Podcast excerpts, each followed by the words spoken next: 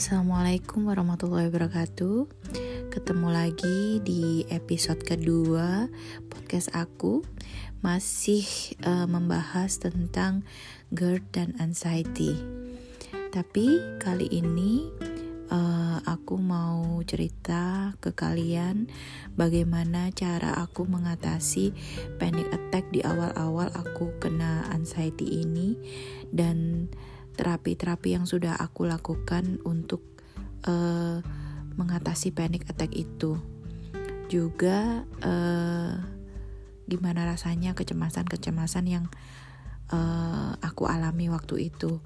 Karena banyak banget yang nanya uh, apa sih yang dirasain ngerasain kayak gini gak sih gitu jadi beberapa teman-teman yang sama-sama anxiety selalu nanya kayak gini nggak kayak gitu nggak jadi uh, mending uh, aku cerita dari awal dulu nanti selanjutnya baru aku cerita tentang eh, pola-pola uh, uh, penyelesaian atau penyembuhan anxiety-ku. Selamat mendengarkan.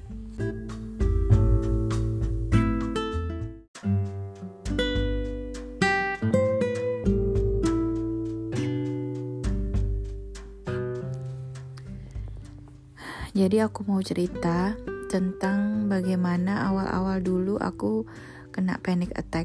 Apa sih yang aku rasain waktu itu? Jadi ketika panic attack itu datang dan panic attack itu datangnya tiba-tiba ya, nggak nggak nggak kita sadari sebelumnya dan nggak ada tanda-tanda sebelumnya tiba-tiba uh, ke, uh, kepala itu kayak ringan gitu, terus tangan dan kaki itu dingin terus jantung itu berdebar kenceng banget sampai aku bisa ngerasain detak jantungnya itu cepet banget gitu. Dada rasanya sakit banget gitu kayak ditusuk. Sampai aku sering megangin dada sampai sambil aku pijit-pijit gitu. Dan waktu itu paniknya bener-bener yang uh, sampai bingung sendiri gitu mau ngapain. Sampai kadang nggak bisa berkata apa-apa gitu. Jadi cuman bisa istighfar terus baca-baca doa yang hafal yang aku hafal semuanya aku baca gitu. Tapi memang nggak mengatasi. Terus aku cuman bisa duduk diem. Uh, kadang seluruh badanku aku gosok pakai uh, minyak kayu putih sama fresh care gitu. Kalau misalkan ada temen uh, kadang temanku cuman aku suruh pijit-pijit di pundakku gitu. Sama su aku suruh megangin tanganku yang emang dingin banget gitu.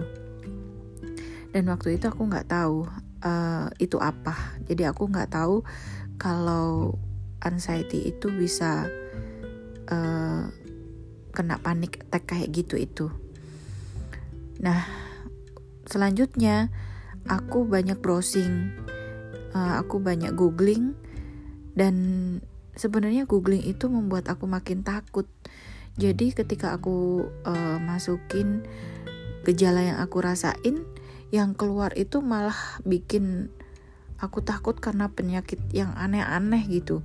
Dulu itu awal-awal aku kena anxiety aku benar-benar nggak bisa uh, dengerin atau baca atau tahu apa pun informasi yang uh, bikin aku takut. Misalkan uh, kematian misalkan kecelakaan atau uh, apa ya pokoknya semua yang bikin aku takut dan cemas itu aku nggak berani lihat. Tapi kadang itu selalu muncul gitu kayak di Instagram, kayak berita di TV gitu, bencana alam atau teror atau apa gitu. Itu bikin pikiranku semakin kalut dan akhirnya ansiku itu bener-bener tinggi banget gitu. Jadi setiap saat itu waktu awal-awal tuh deg-degan tuh tiap hari rasanya. Jadi nggak enak banget gitu karena pikiran jadi nggak pernah tenang selalu mikir yang yang buruk-buruk kayak gitu dan merasa bahwa uh, hidup itu apa ya ya udah kayak mau mati aja dah gitu. Um, dan aku takut banget jujur aku takut banget.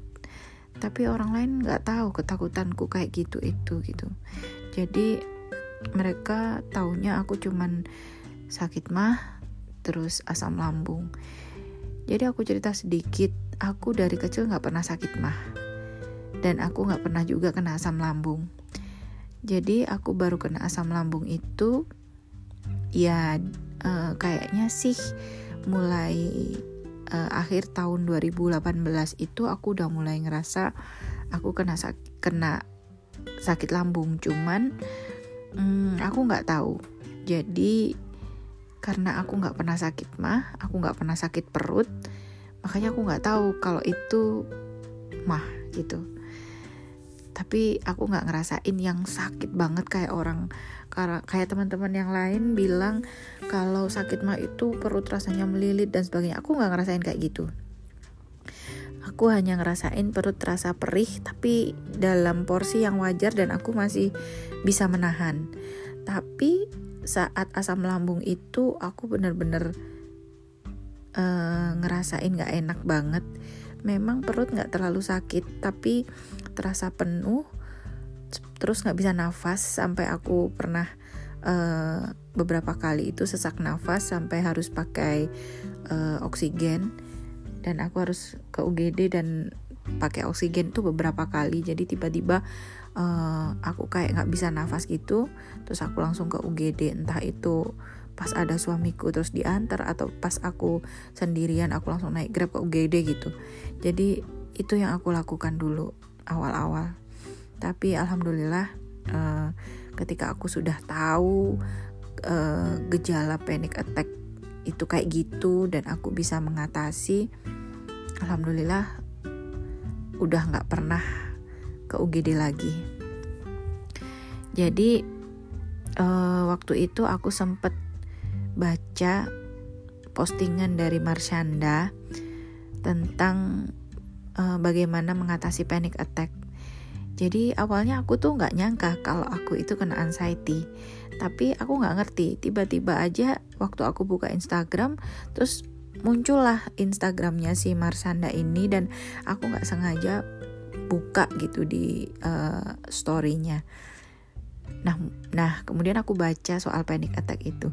Jadi uh, menurut dia ketika panic attack itu terjadi kita scoring dulu seberapa tingkat uh, panic attack yang kita alami. Kita tenang dulu atau kalau kita ada teman kita bisa cerita ke teman. Tapi ingat ya teman itu harus yang benar-benar ngerti dan percaya kalau kita itu ngalamin kayak gitu gitu. Jadi jangan jangan asal temen yang kita ceritain yang mungkin dia hanya bisa ngomong sabar ya uh, istighfar ya gitu. Karena sebenarnya bukan itu yang kita butuhin. Kita hanya butuhin orang yang bisa ngomong uh, aku mengerti kamu aku mengerti apa yang kamu rasakan. Itu lebih enteng buat kita. Jadi uh, waktu itu akhirnya ketika panic attack itu terjadi, aku selalu scoring uh, panic attack itu sejauh mana, berapa nilainya gitu. Jadi mulai grade 1 sampai 10 panic attackku itu berada di mana? Wajar atau enggak gitu. Jadi ketika itu aku panic attack dan aku merasa ini enggak wajar, berarti ini benar-benar panic attack yang nggak boleh aku turutin gitu jadi aku berusaha melawan uh, waktu itu sih aku langsung dengerin apa aja. Misalkan ada YouTube misalkan ada uh, liatin instastorynya teman-teman atau main game. Dulu awal-awal memang aku untuk mengalihkan panic attack itu aku download beberapa game yang yang fun yang aku nggak terlalu banyak mikir dan lucu-lucuan gitu tapi sekarang aku udah nggak pernah main game lagi udah karena aku udah bisa mengatasi panic attack itu nah itu awal aku tahu gimana cara panic attack itu eh, mengatasinya gimana emang dari Instagramnya Marsyanda. Mungkin kalian bisa lihat juga di sana dan itu worth it banget buat aku. Terus uh, memang sih itu tidak uh, kemudian menyembuhkan anxietyku juga gitu dan tidak mengurangi juga. Tapi setidaknya ketika panic attack itu terjadi aku bisa mengatasinya dan gak terlalu cemas yang berlebihan sampai akhirnya aku ke UGD seperti sebelum-sebelumnya gitu. Jadi memang ketika GERD itu naik ternyata uh, itu bisa me, bisa pengaruh ke pandangan kita juga. Jadi ketika GERD naik biasanya pandangan itu jadi kabur gitu. Jadi aku pernah pagi-pagi nganterin sekolah anakku terus kemudian tiba-tiba aku nggak bisa lihat depan dong padahal aku lagi nyetir. Dan pan, jarak pandangku ke depan itu mungkin hanya eh, beberapa meter aja. Aku nggak bisa lihat jarak jauh karena langsung kayak mau miga kayak mau vertigo gitu. Jadi aku hanya liatin anakku lihat spion gitu anakku duduk di belakang. Aku bener-bener takut banget waktu itu dan aku banyak istighfar. Aku baca ayat kursi sampai nyampe di sekolah anakku. Dan aku tahu ternyata itu memang uh, bagian dari GERD yang naik sampai ke kepala akhirnya pandangan jadi kabur gitu. Nah nyampe sekolah aku tenangin diriku. Terus aku memang dari awal aku kena anxiety itu aku ke mana-mana selalu bawa termos kecil berisi air panas. Jadi ketika uh, panic attack terjadi aku selalu minum air panas itu. Jadi air panas ya nggak panas banget sih air anget tapi agak panas gitu jadi aku pasti minum itu. Kadang aku campur madu aku kasih ciasit gitu. Tapi kadang juga kalau nggak sempet ngasih ya air panas itu selalu ada. Aku selalu bawa ke mana-mana termos kecil gitu. Memang lumayan meredakan meskipun uh, tidak 100% tapi ketika udah kena air panas itu tiba-tiba lega aja gitu. Terus aku diem sesaat sampai uh, agak reda aku main game sebentar gitu untuk menghilangin uh, panik tadi. Habis itu aku lanjut lagi. Nah kayak gitu tuh terjadi beberapa kali. Dan nggak kira-kira gitu tempatnya. Kadang di rumah kadang di jalan kadang di sekolah. Itu yang bikin kadang tuh aku takut sendiri gitu. Nah kayak gitu itu panic attack kayak gitu itu anxiety. Aku nggak tahu ya yang kalian rasain seperti apa. Apa kalian juga merasakan sama seperti yang aku rasain? Atau mungkin ada gejala lain juga. Tapi kalau itu memang yang aku rasain gitu. Dan aku aku hanya bercerita apa yang aku rasain. Karena aku nggak berani kalau harus cerita tentang yang nggak aku rasain gitu. Nah terus terapi awal yang aku lakukan waktu itu karena aku waktu itu awam banget ya dan aku waktu itu belum ketemu sama uh, dokter Andi yang kemarin aku ceritain itu. Entah kenapa tiba-tiba itu uh, aku nemu Instagramnya dokter Zaidul Akbar. Karena aku sering posting-posting di Instagram foto-foto aku dan sebagainya tiba-tiba muncul aja gitu uh, dokter Zaidul Akbar. Nah di situ aku tahu kalau uh, cara mengatasi GERD, asam lambung, mah itu dengan uh, resep JSR, juru sehat ala Rasulullah. Nah, itu awal-awal aku terapin itu. Jadi tiap pagi dan malam aku tuh rutin banget uh, nyeduh uh, jahe, kunyit, serai, kemudian kayu manis, uh, diseduh pakai air panas. Nanti setelah hangat-hangat kuku ditambah madu dan dikasih Himalayan salt. Itu aku lakuin hampir dua bulan dan rutin banget. Eh nggak dua bulan ding uh, dari dari Maret sampai sampai Lebaran itu berarti Maret, April, Mei, Juli, lima bulan. lima bulan aku konsumsi itu terus rutin tiap pagi bangun tidur sama malam mau tidur itu tiap hari aku konsumsi itu dan memang alhamdulillah untuk uh, mah dan GERD-nya sedikit berkurang. Tapi karena ansiku ini dominan, jadinya ketakutan itu tetap ada gitu. Cuman uh, yang aku bilang aku memang tetap pakai obat dokter karena yang do dari dokter Andi itu memang ya itu aku butuh obat penenangnya itu gitu. Jadi JSR tetap aku lakukan, tapi aku tetap uh, pakai obat dokter juga karena aku terus terang aku nggak pede untuk 100% pakai herbal. Padahal sebenarnya kalau menurut dokter Zaidul Akbar uh, herbal itu paling bagus gitu tapi aku nggak tahu aku nggak pede dan karena aku sering panic attack jadinya aku tetap pakai obat dokter juga gitu. Uh, kalau soal makanan mungkin pantangan dari awal ya sama ya kayak yang lain-lain. Nggak boleh minum susu coklat uh, segala macam buah yang kecut terus umbi-umbian hmm, apa lagi ya?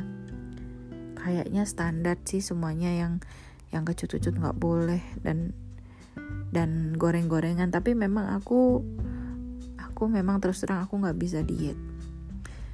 Uh, cuman akhirnya karena aku nggak nggak boleh goreng-gorengan aku ganti minyak yang awalnya aku selalu pakai minyak kelapa sawit aku pakai olive oil. Meskipun untuk goreng aku juga pakai olive oil. Dan memang rasanya nggak enak.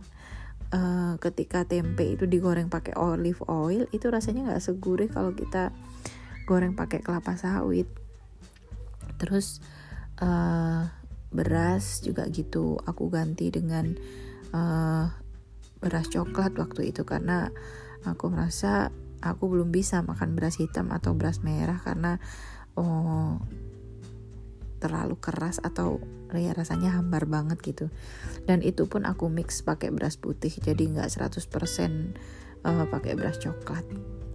Itu sih. Terus sayur aku juga makan. Buah uh, aku seneng pepaya. Jadi memang aku lebih lebih memilih buah pepaya itu tiap hari. Jadi buah pepaya aku campur uh, kasih madu dikit gitu, kasih ciasit, udah aku makan. Aku lebih banyak makan pepaya karena melon aku juga nggak terlalu suka, semangka aku juga nggak terlalu suka. Tapi sebenarnya itu buah yang bagus untuk uh, GERD itu katanya itu melon, semangka, alpukat. Kalau alpukat aku masih makan karena aku merasa ya karena aku dari awal emang suka alpukat. Entah itu jus atau dimakan langsung atau alpukat kocok gitu aku pasti suka. Dari dulu sih sebelum sebelum kena ke ansi aku juga sudah senang itu. Nah uh, kalau kecemasan lain jadi aku mau cerita. Awal-awal aku kena ansi itu emang aku nggak berani ke mana-mana. Jadi ada perasaan cemas yang gimana ya? Aku nggak bisa jelasin dengan kata-kata tapi rasanya tuh nggak enak banget gitu. Uh, tiap mau keluar keluar rumah itu pikiran itu ke mana-mana. Jadi hal-hal yang belum terjadi itu aku pikirin banget gitu. Nanti jangan-jangan aku kecelakaan di jalan. Jangan-jangan gitulah pokoknya serba jangan-jangan gitu nanti aku mau ke mall nanti aku pingsan di dalam mall gitu. Jadi ketakutan-ketakutan yang sebenarnya itu nggak akan terjadi gitu. Dan itu aku pikirin banget dan itu mengganggu banget. Kayak di dalam kepala itu sampai penuh gitu rasanya. Seperti milih makanan aja. Kadang itu emang aku sejak ansi itu uh, bingung milih makan. Kadang pas diajak teman-teman makan di luar gitu aku bingung milih makan. Mau makan mie nggak boleh. Mau makan uh, lontong nggak boleh. Mau makan gado-gado kacangnya nggak boleh. Terus aku makan apa gitu. Jadi kadang tuh aku susah. Sampai aku uh, karena aku bingung bingung milih makan kadang-kadang sampai nggak makan gitu tapi sebenarnya itu nggak boleh karena uh, GERD itu perut harus tetap terisi makanan agar ada yang dicerna gitu. Jadi kadang aku suka ke mana-mana itu bawa biskuit yang kadang satu keping gitu kalau pas lagi perut mau nggak enak gitu aku makan biskuit itu. Oh iya roti juga nggak boleh ya. Aku pernah lapar banget waktu itu emang bener-bener lapar aku lagi di mall terus aku beli roti gitu dan beneran dong setelah habis selang satu jam gitu aku langsung sendawa terus dan asam lambungku naik aku bener-bener jaga untuk uh, pola makan itu karena apa? Karena ketika asam lambung naik, anxietyku juga muncul gitu. Makanya aku bener-bener takut milih milih-milih makanan itu gitu. Jadi waktu itu aku beneran gak bisa makan apa-apa. Jadi tiap hari itu rasanya aku cuman bisa makan atau pesen bubur bubur ayam atau bubur manado kayak gitu tiap hari dan aku nggak tahu kalau teman-teman yang lain lebih merasa sering lapar kalau aku justru enggak gitu. Jadi aku malah males banget mau makan padahal harus makan gitu. Karena aku bingung aku mau makan apa gitu. Dan buah itu iya memang pagi aku makan buah tapi aku bosan makan buah terus gitu. Kalau harus makan buah terus suatu saat aku pernah ikut uh, catering diet gitu. Bukan catering diet sih sebenarnya.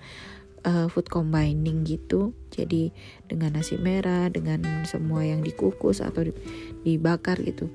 Tapi cuman bertahan sebulan aja dan aku udah bosen.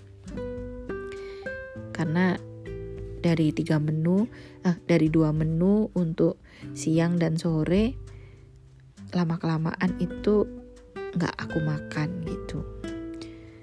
Nah memang dari awal Februari aku kena uh, GERD ANSI aku nggak berani makan cabai pedes sekecil apa pun aku nggak berani.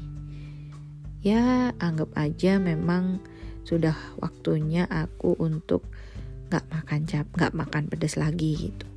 Jadi kalau uh, ketemu sama teman-temanku aku sempat diketawain aku dulu itu ratunya sambel gitu. Jadi tiap uh, makan bakso mereka tahu sampai kadang uh, mereka yang nuangin sambelnya gitu. Ketika aku makan bakso semangkok gitu mereka yang lomba-lomba uh, uh, nuangin sambal ke mangkokku gitu. Makan rujak gitu rujak cingur gitu.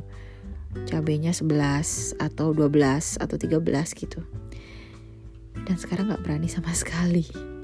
Sekarang aja baru uh, nyobain uh, rujak cingur dengan satu cabe aja perut udah panas rasanya.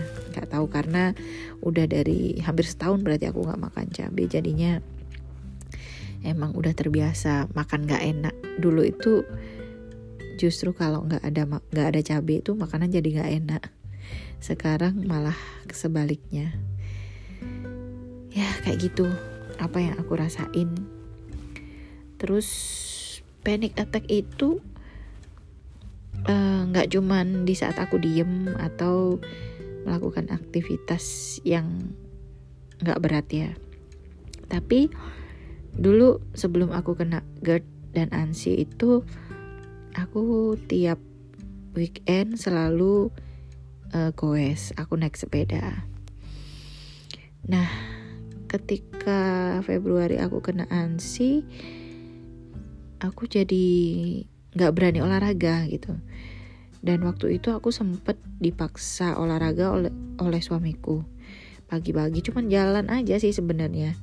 Jalan tuh kan nggak berat sebenarnya dan waktu itu aku langsung keliengan keringet dingin kayak biasanya panic attack uh, berasa mau pingsan gitu sampai mukaku pucet. Waktu itu aku jalan berdua sama anakku.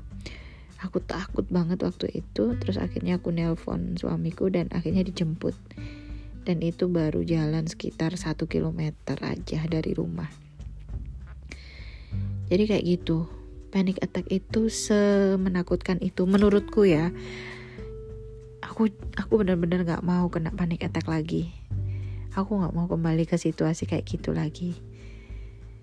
Uh, mungkin teman-teman yang sama-sama punya GERD dan anxiety pasti tahu rasanya nggak enaknya. Meskipun orang lain nggak akan tahu rasanya apa yang kita rasain tapi aku tahu perasaan kalian. Jadi tetap sabar tetap tenang. Uh, oh iya yang paling penting adalah mengolah nafas. Jadi ini aku pelajari juga sebenarnya dari Instagram teman-teman pelari untuk mengolah nafas. Jadi nafas perut kemudian dikeluarkan lewat mulut dan hidung. Itu aku ulang-ulang terus ketika panik attack itu terjadi. Alhamdulillah memang agak meredakan meskipun tidak 100% hilang. Tapi memang latihan pernafasan itu uh, bagus buat kita. Jadi di awal-awal di tahap awal aku kena panic attack ya hanya itu yang aku lakukan. Aku sudah tidak terlalu sering browsing karena aku takut uh, muncul gejala penyakit-penyakit yang aku makin takut gitu. Dan aku cuman perbanyak istighfar aja. Aku tiap hari uh, saat selesai sholat itu aku selalu berdoa uh, mendoakan uh, semuanya memaafkan teman-teman yang sudah uh, menyakiti atau memaafkan semuanya lah pokoknya. Dan memohon ampun uh, atas diriku yang telah menzolimi tubuhku. Jadi aku benar-benar minta maaf ke Allah kalau selama ini aku sudah menzolimi tubuhku dan akhirnya aku kena penyakit ini gitu. Jadi uh, aku serahkan semuanya sama Allah. Intinya itu. Dan mulai saat itu aku jadi tenang gitu. Terus uh, lagi. Aku memang di awal kena ansi itu sempat dihipnoterapi oleh uh, teman.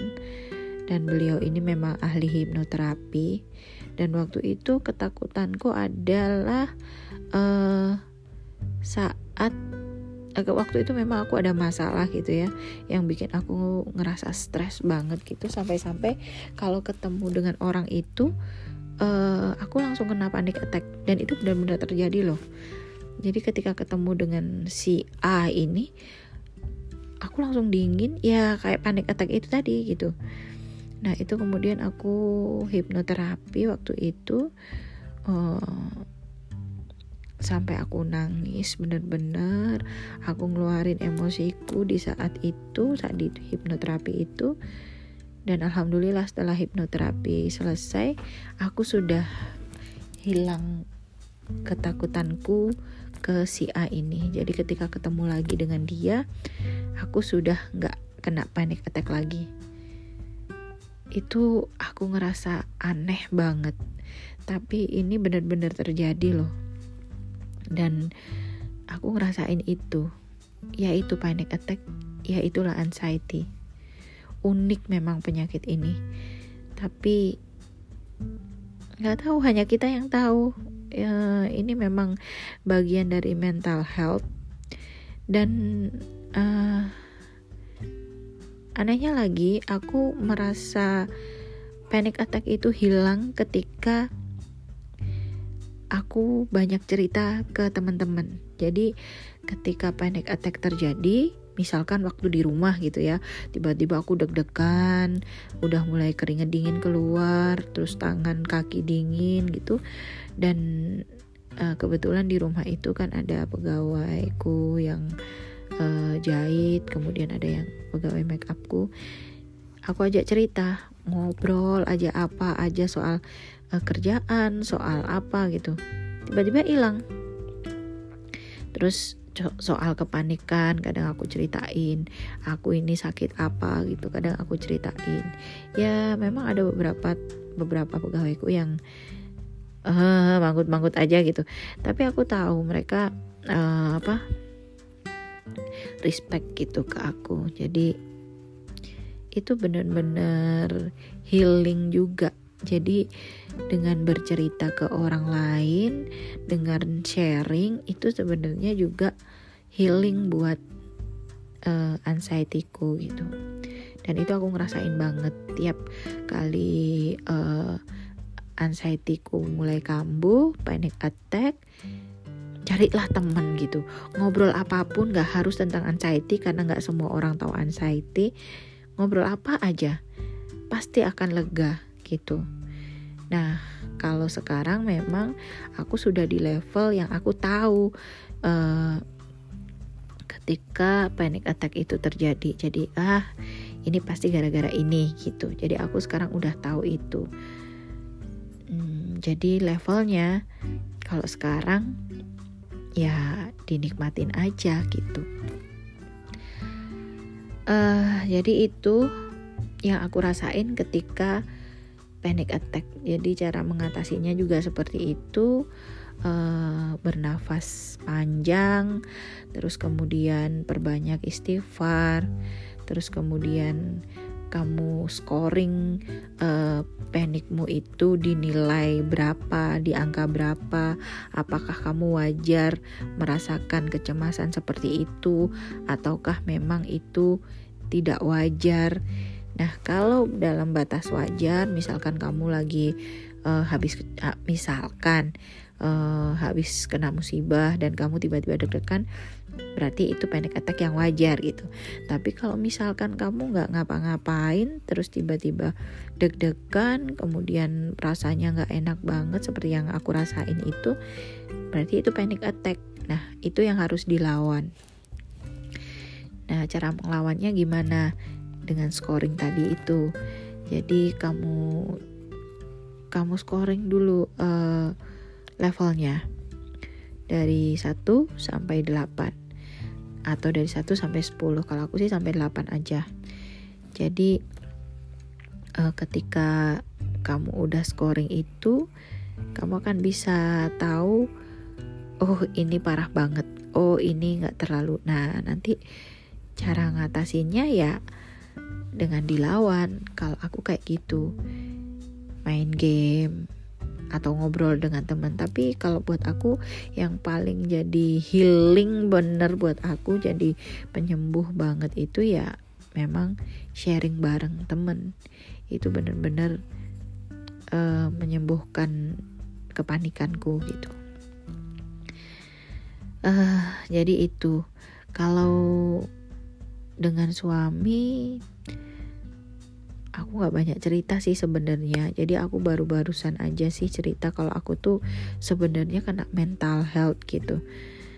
Tapi suamiku nggak percaya juga sih sebenarnya. Karena aku ya aku memang baik-baik aja kalau kalau pas baik-baik aja dan kok pas ya pas ketemu sama dia selalu baik-baik aja gitu.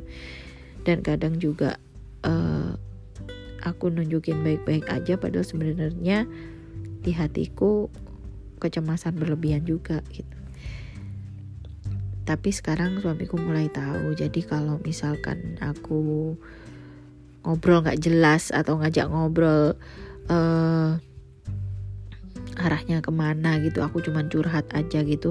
Karena aku suka mulai dia tahu soal anxiety soal mental health itu aku bilang ke dia bahwa aku cuman butuh didengerin aja gak usah uh, dikomenin macem-macem karena komen itu sebenarnya membuat kita sakit hati juga. Bayangin aja kalau misalkan orang komen uh, kamu mungkin kurang istighfar kamu mungkin ibadahnya kurang kamu mungkin sodakohnya kurang.